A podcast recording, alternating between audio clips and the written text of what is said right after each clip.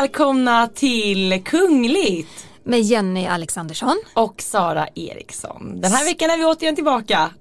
Det är härligt, det är underbart. Det är, också ganska hemskt för att det händer konstant katastrofer i det brittiska kungahuset och det ja, ska de vi prata om. De verkar aldrig ta slut. Men å andra sidan då har vi också någonting att prata om så det är ju väldigt väldigt bra. Eller hur? Yes. Vi tänker att vi fortsätter lite som förra veckan. Då tog vi ju vid vid den här tre snabba kungliga nyheter. Jag tänker det fortsätter vi med även den här veckan. Vi kör. Yes.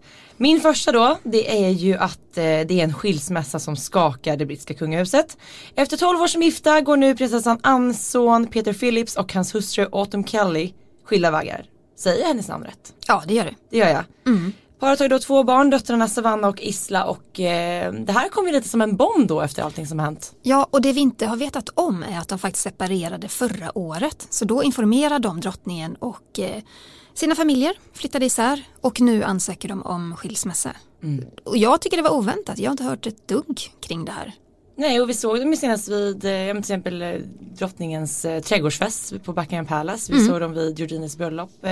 Såg väldigt lyckliga ut tillsammans men bakom fasaden där så gömde sig någonting annat. Ja och man kan ju undra hur mycket ska drottning Elizabeth orka med av personliga familjeproblem? Exakt. Det ena bomben efter den andra. Mm. Hon fyller 94 år om två månader. Mm. Det verkar. Stålkvinna. Ja hon är verkligen en stålkvinna. Ja. I Norge så har det hänt någonting väldigt speciellt. Ehm, för norska kungen, han har gett order om att hemliga spiondokument inte längre ska vara hemliga. Och det här händer ju typ aldrig, jag tror inte jag har hört talas om det i modern tid. Men de här dokumenten ska användas i en rättegång och det handlar om att eh, norska underrättelsetjänsten anklagas för att rekrytera spioner i Ryssland och Nordnorge. Och då är det ett norskt eh, cementföretag som stämmer norska staten. Eh, därför att de hävdar att de har förlorat över 135 miljoner i inkomster då på grund av oönskade försök till att värva spioner. Och jag menar hela den här Hjälp. storyn är så galen. Eh, och jag, jag måste undersöka ifall norska medier har skrivit mer kring det här för det, är helt, det låter som en spionfilm. Ja men verkligen. Och vad blir då kung Haralds roll i det här hela? Varför är det han som måste ta det här beslutet? Vet vi det?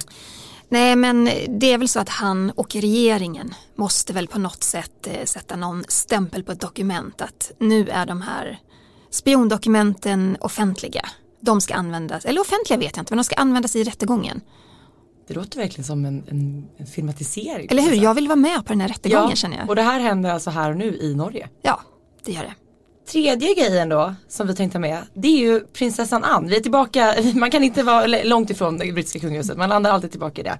Prinsessan Anne då, hon skulle bli den första kvinnliga generalkaptenen säger man väl i den engelska flottan. Och det här är ju en stor kunglig historisk händelse. Den första kvinnan alltså, mm. någonsin? Ja, någonsin. Det är så häftigt. Det är väldigt, väldigt häftigt och på tiden och det är faktiskt så att hon tar över prins Harrys uppdrag. Just det, det är nu vi börjar se konsekvenserna av att Harry och Meghan har eh, klivit ur kungahuset. Precis. För andra måste ta deras uppgifter. Platser ekar tomma och det är någon annan som måste ta, ta de platserna och nu blev det då precis som Anns eh, tur att få göra det och jag tycker det är ju verkligen på tiden att vi ser en kvinna på den här positionen. Absolut. Eh, och det ska då hållas någon form av ceremoni eh, i mars någon mm. gång där då prins Harry ska överlämna den här titeln till Ann så det blir ju väldigt spännande att få ta del av.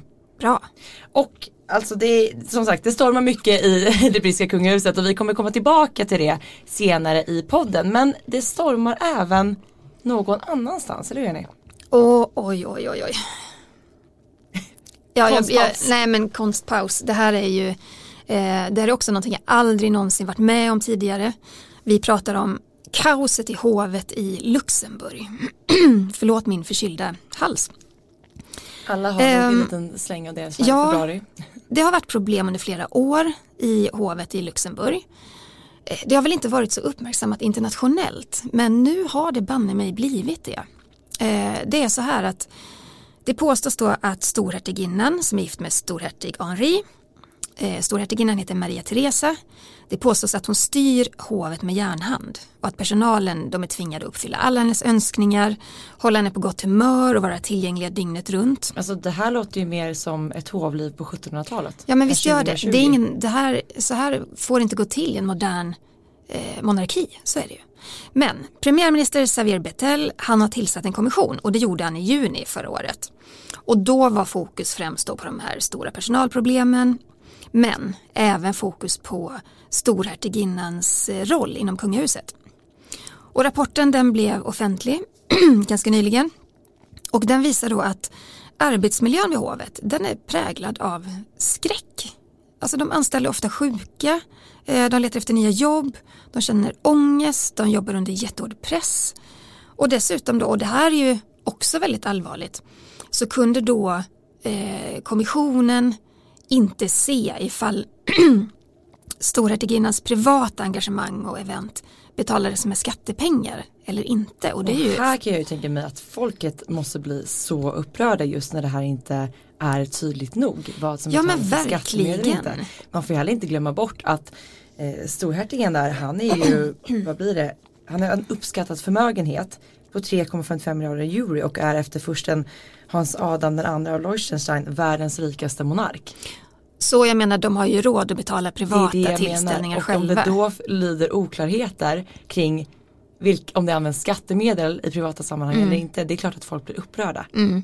Nej men det är galet. Och sen är det så här att rapporten visar att 51 anställda lämnade sina anställningar antingen genom att ha fått sparken eller frivilligt. 51 stycken? Ja och då ska man också veta att hovet har runt 110 anställda totalt och det här var under, ja, mellan 2014 och 2019.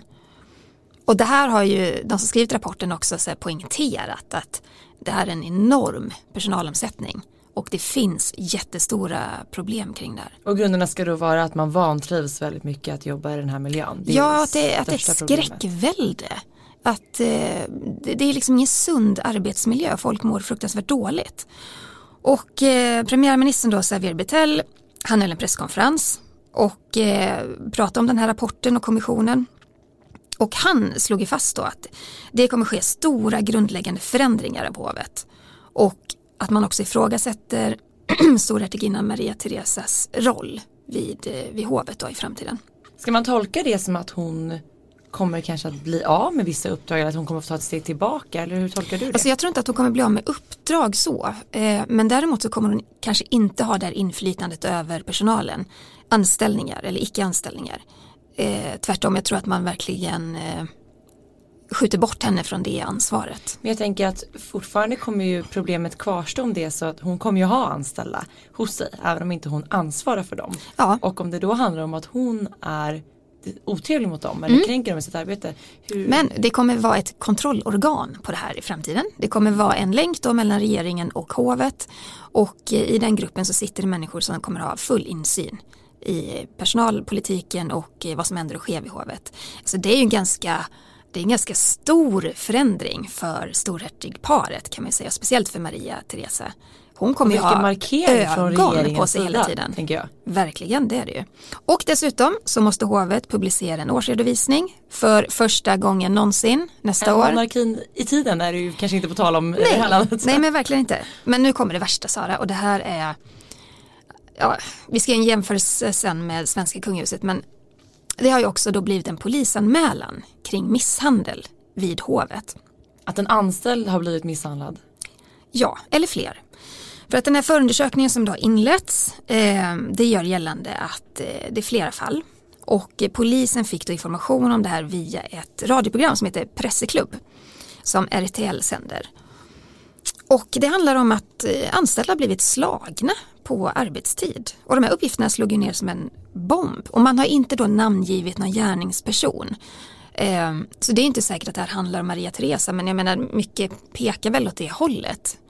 Eller mellanchefer, who knows. Men jag menar det här är ett hov i kris och folk mår fruktansvärt dåligt. Och jag menar misshandel. Oavsett vem som har gjort det, det är liksom, tänk, tänk om vi skulle se det i Sverige. En polisanmälan mot svenska kungahuset. Ja och att drottning Silvia skulle styra hovet med järnhand och få folk att må fruktansvärt dåligt. Alltså det går inte ens att föreställa Nej. sig. Så att det här är, det här är en bomb. Och det som blev ännu mer bomb det är ju då när eh, vi fick ett uttalande, ett öppet brev kan man väl säga. Som var ännu ja. mer märkligt. Ja, det var ju storhertig Henri som skickade ut ett öppet brev Via Instagram också? Ja, och eh, vad det i sig? Jag förstår att han vill försvara sin fru Han skriver bland annat så här. Varför attackera en kvinna? En kvinna som stöttar andra kvinnor. En kvinna som inte ens har en chans att försvara sig själv. Och, och, och då säger jag stopp och belägg. Jag, jag hedrar verkligen hans känsla för att vilja försvara sin fru.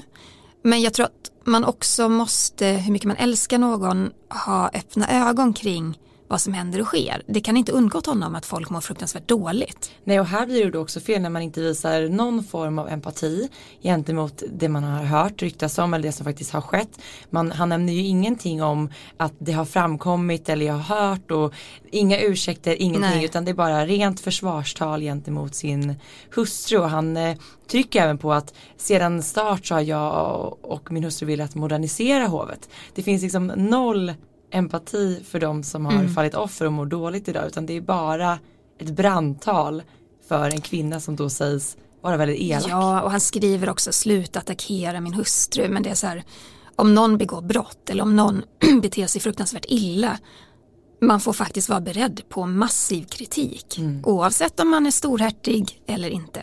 Självklart. Men nu väntar vi på vad som händer med förundersökningen och eh, definitivt är det ju då bestämt att hovet ska genomgå stora förändringar i grunden. Ja men det här måste ju påverka monarkin i Luxemburg i stort. Alltså deras eh, anseende och hur folk ser på den. När de här ryktena sprids, man har hört talas om någon polisanmälan. Eh, man tycker kanske redan då att det är ett omodernt hov som du säger. Man har inte behövt redovisa någonting egentligen utan allt har skett bakom stängda dörrar. Och nu börjar man kanske få vissa liksom indikationer på hur det faktiskt står till där bakom murarna. Och det är klart att det här har vi sett rent historiskt sett att när det börjar shejka, ja men då det kan liksom sätta snurr på hela frågan om man ska ha kvar ett kungahus och så vidare. Det är klart att det här är ju inte bra för dem Nej. som monarki. Nej, um, nej men alla sådana negativa saker gör ju, det påverkar folks förtroende för, för kungahuset och för dess medlemmar och kanske för monarkin i stort. Eh, man vill inte ha en despot som sitter på slottet och, och styr med järnhand. Det, det, förstår ju vem som helst. Vi har ju sett tidigare historiskt vad som händer just när man inte visar empati mm. med folket eller folk som har farit illa. Eh, vi minns ju alla kritiken till exempel drottning Elisabeth fick efter Dianas död mm. och hon var helt tyst istället för att gå ut och prata med folket och säga att hon förstår att hon själv är ledsen och så vidare. Att man inte har lärt sig någonting mer av historien, att inte han då själv förstår att han kanske borde ha uttryckt sig på ett annat sätt. Och likadant prins Andrew som vägrade säga någonting om eh, Epsteins offer när han gjorde intervjun med BBC.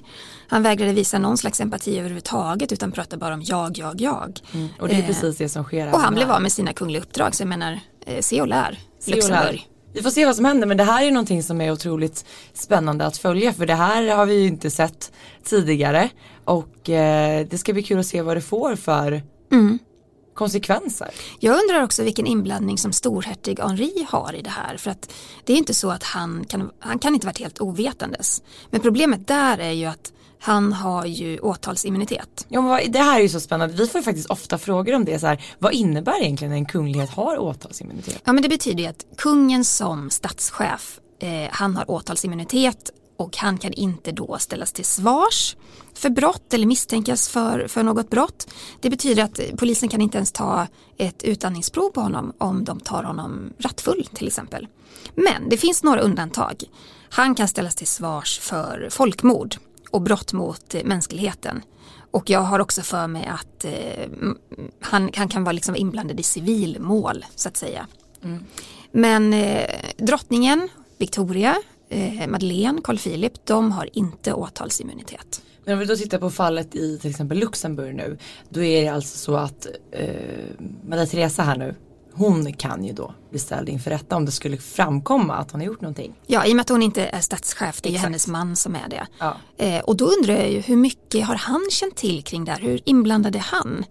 Det kan inte undgå honom att folk mår fruktansvärt dåligt. Han kan ju bara se på siffrorna om inte annat på redovisningar att halva personalstyrkan har lämnat sedan 2014 det måste ju vara någon få, larmklocka måste ju ringa någon klocka liksom, ja. det står inte rätt till. Och jag menar som vi pratade om tidigare att det är klart att ett sånt här rykte, om det nu går de här, cirkulerar de här rykten om det här händer, det ger ju ringar på vattnet i liksom dåliga rykten mot hela kungahuset och hela hovet och det är ju inte bra. Nej, men varför skulle folk i Luxemburg vilja ha ett eh, för, storfurstehus ifall, eller storhertighus ifall de inte ens sköter sina inre angelägenheter eller tar hand om personalen?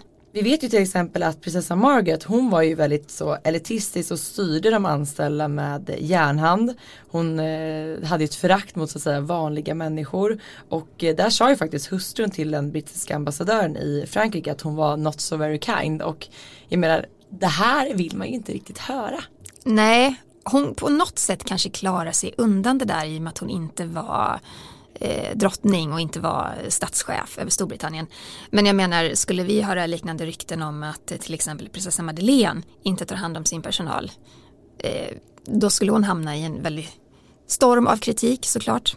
Exakt. Och det påverkar, ju, det påverkar ju förtroendet för kungafamiljen. Ja, men det som är roligt just det här med, eller roligt, men åtalsimmunitet, det är det, vi har fått väldigt många frågor till exempel så här, vad händer om kungen kör för fort och vad, alltså sådana här ja, frågor. och det som händer då är ingenting.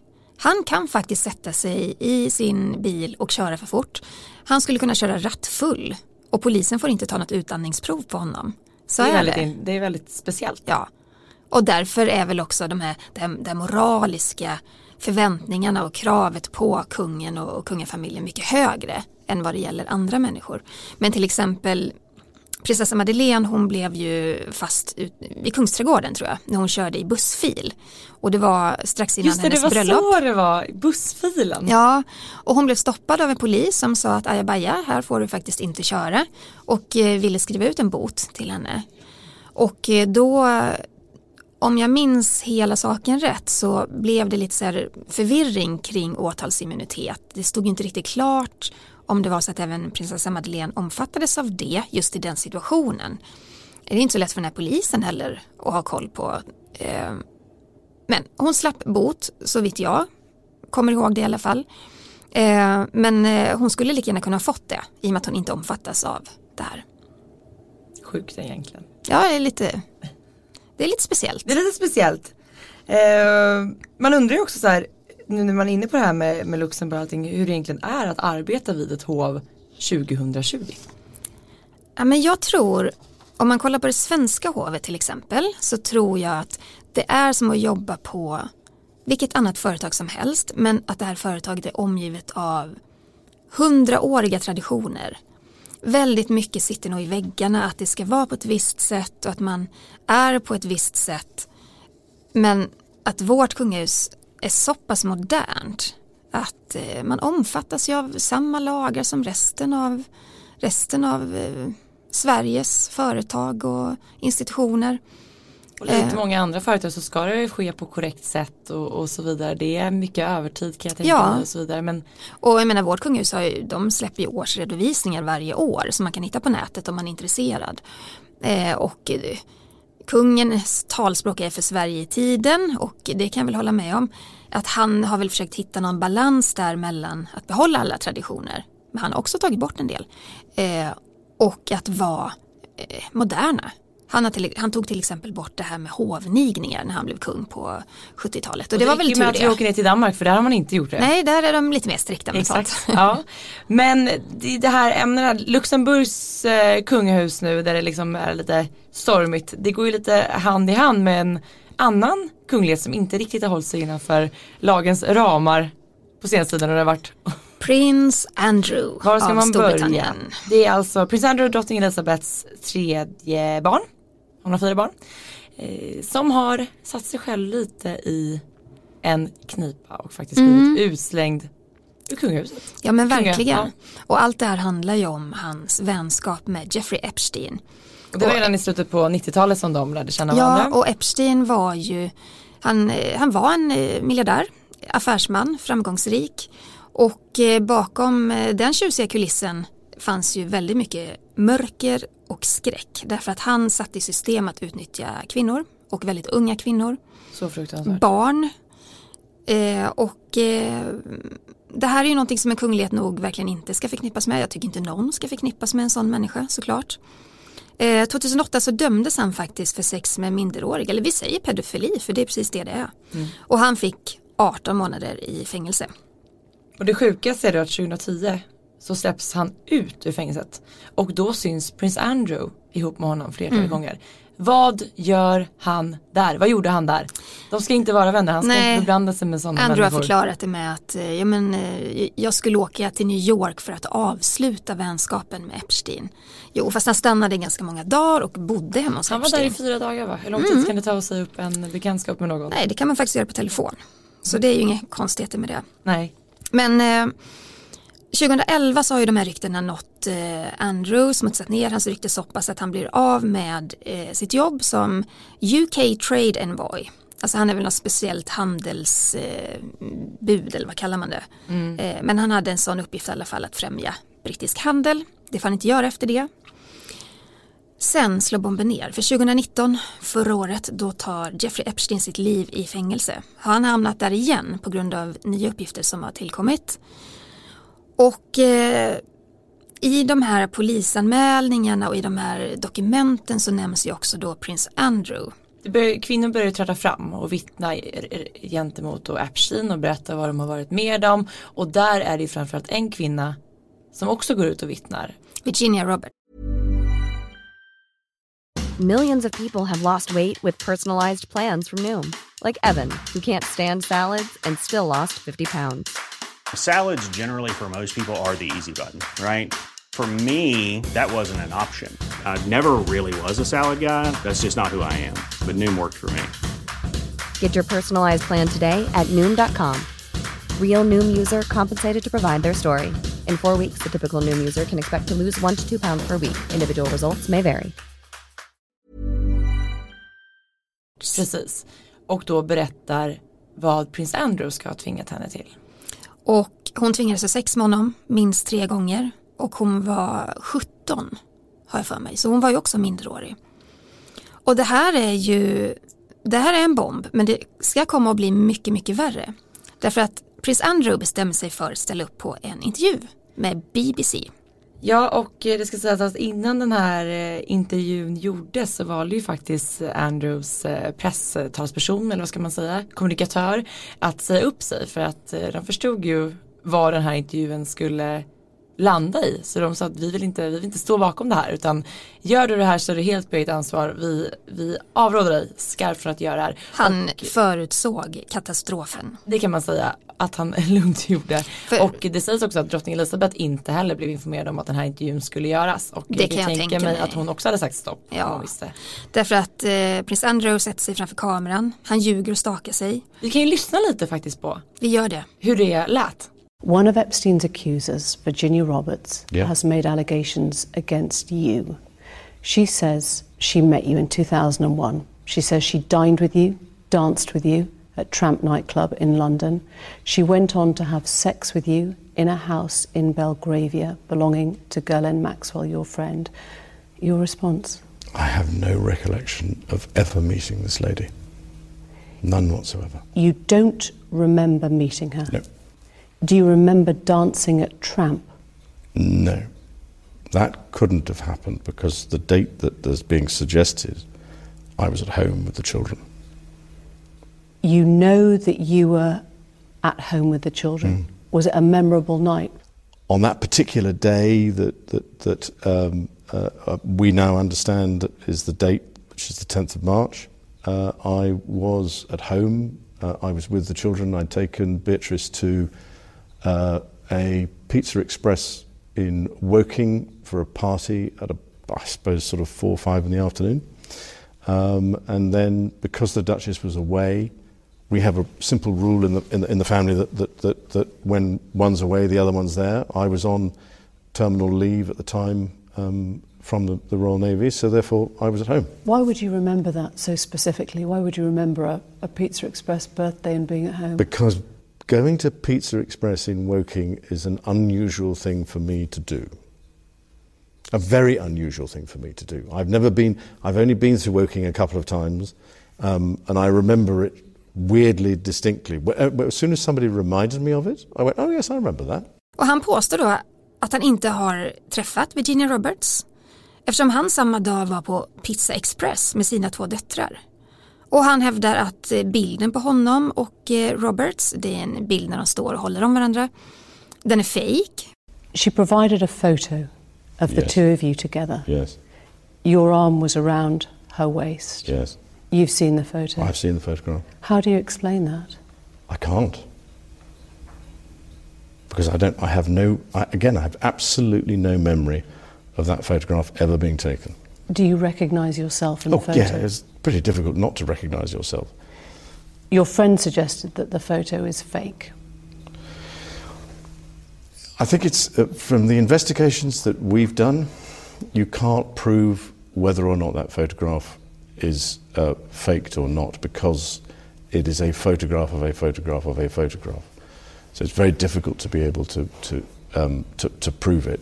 But I, I don't remember that photograph ever being taken. But it's possible that it was you with your Well, arm it's- around that's her me, but, but whether that's my hand or whether that's um, the position, I, I, but I don't, I have simply no recollection of a photograph ever being taken. Alltså man kan titta på den här bilden tusen gånger, Ja. den är så äkta. Ja.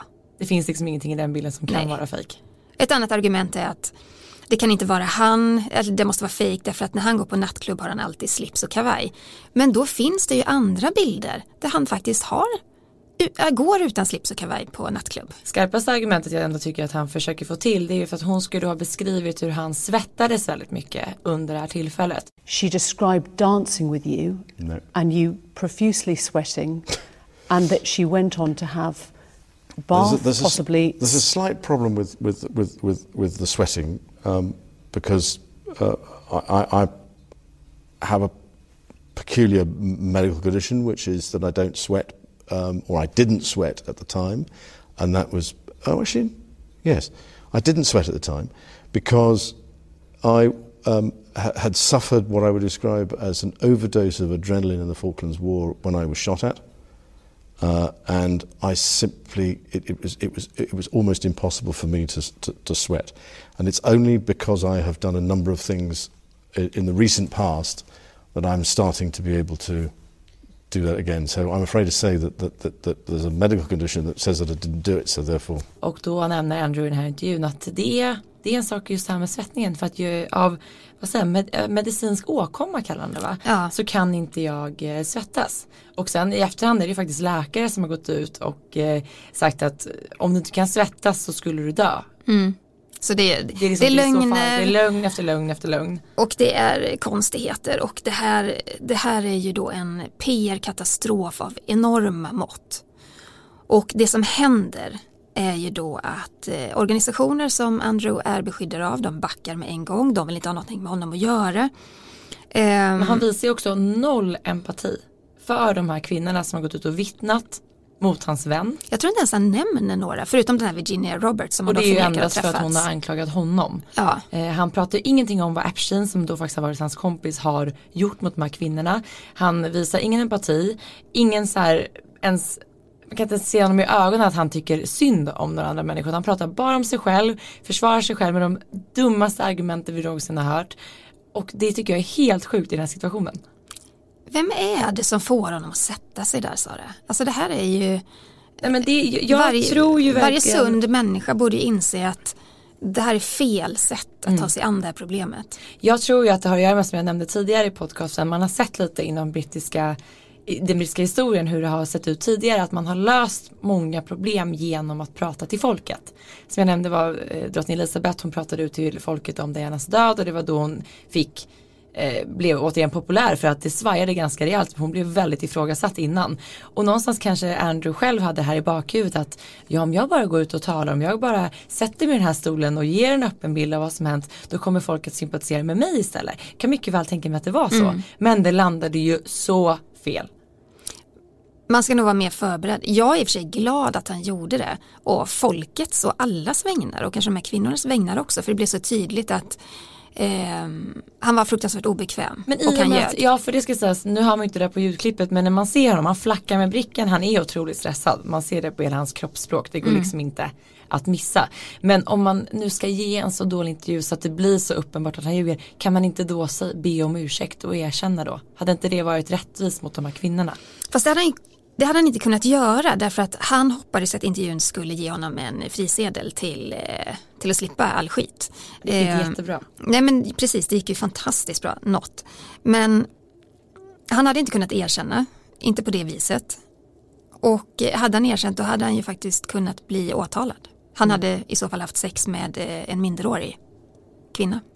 Och då hade han ändå blivit av med alla kungliga titlar. För det var det som hände. Drottningen såg till att han blev av med sina kungliga uppdrag. Slutet av november, då fick Och förlåt, nog. titlar tar jag tillbaka för de har han kvar.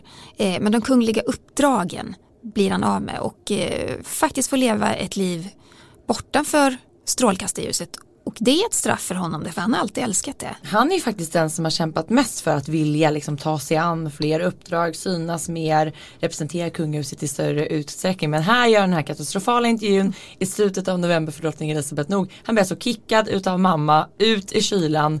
Det räcker nu.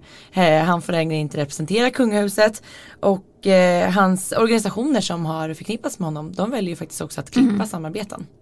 Sen pågår det en utredning i USA kring Epstein eh, och FBI har ju, påstår de själva, eh, försökt nå ut till prins Andrew. De har haft kontakt med hans eh, personal.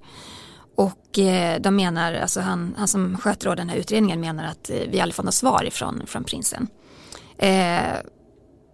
Nu går prins Andrew till attack och säger att han minsann aldrig någonsin har fått någon sån förfrågan. Och, och han har gjort massa uttalanden om att det är klart att han ställer upp och ska hjälpa dem. Men än så länge har vi inte sett någonting av det. Så han är alltså, FBI söker honom och han ger ingen respons? Nej, det tyckte det han var bra idé. absolut förbättra hans eh, läge och, mm. och, en annan konsekvens som vi nu ska prata, Andrew som jag sa, han vill gärna stå i rampljuset. Han är inte den inom brittiska kungafamiljen som gärna backar ifrån det som vi till exempel ser nu prins Harry, Harry gjort. Mm. Uh, han fyller ju faktiskt 60 år nu i 19 februari. Så att det är ju snart. Och då skulle han ha firats med en stor eh, 60-årsfest. En officiell. En officiell sådan mm. där han skulle hyllas för sitt arbete och så vidare. Men det blir inget med det. Denna drottningen ställt in. Yes. Och han får inte heller någon ny titel för det är ju så att drottning Elisabeth eh, delar gärna ut eh, nya hertigdömen eller titlar vid varje jämna födelsedag, födelsedagar. Eh, och då gäller det hennes barn. För när Andrew fyllde 50 2010 då fick han positionen Rear Admiral och vid 55 blev han Vice Admiral. Det låter ju väldigt tjusigt här. Väldigt flotta eh, titlar. Ja och utåt sett då till medierna så säger man att nej men det är Andrew som har tackat nej till den här titeln. Skulle inte tro det. Nej det tror inte jag heller. Eh, men men, så här är det i alla fall. Eh, det här är liksom drottningens sätt att slå honom på fingrarna. Men det har ju varit en, eller det är en kritik gentemot det här just för att nu när Meghan och Harry väljer att ta avstånd ifrån, backa ifrån sina kungauppdrag så får de fortfarande behålla sina titlar.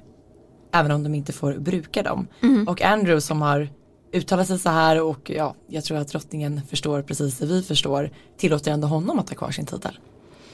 Ja, men det är väl också för att det är väldigt drastiskt och eh, ta bort någons titlar. Man kan förstå att folk ändå blir upprörda. Ja, verkligen. Eh, men som sagt, det är ju ingen av dem som har blivit av med dem, inte Harry och Meghan heller. Där är väl tanken att man håller en liten dörr öppen för att Harry och Meghan ska kunna komma tillbaka. Jag har ju svårt att se att man kanske låter prins Andrew komma tillbaka.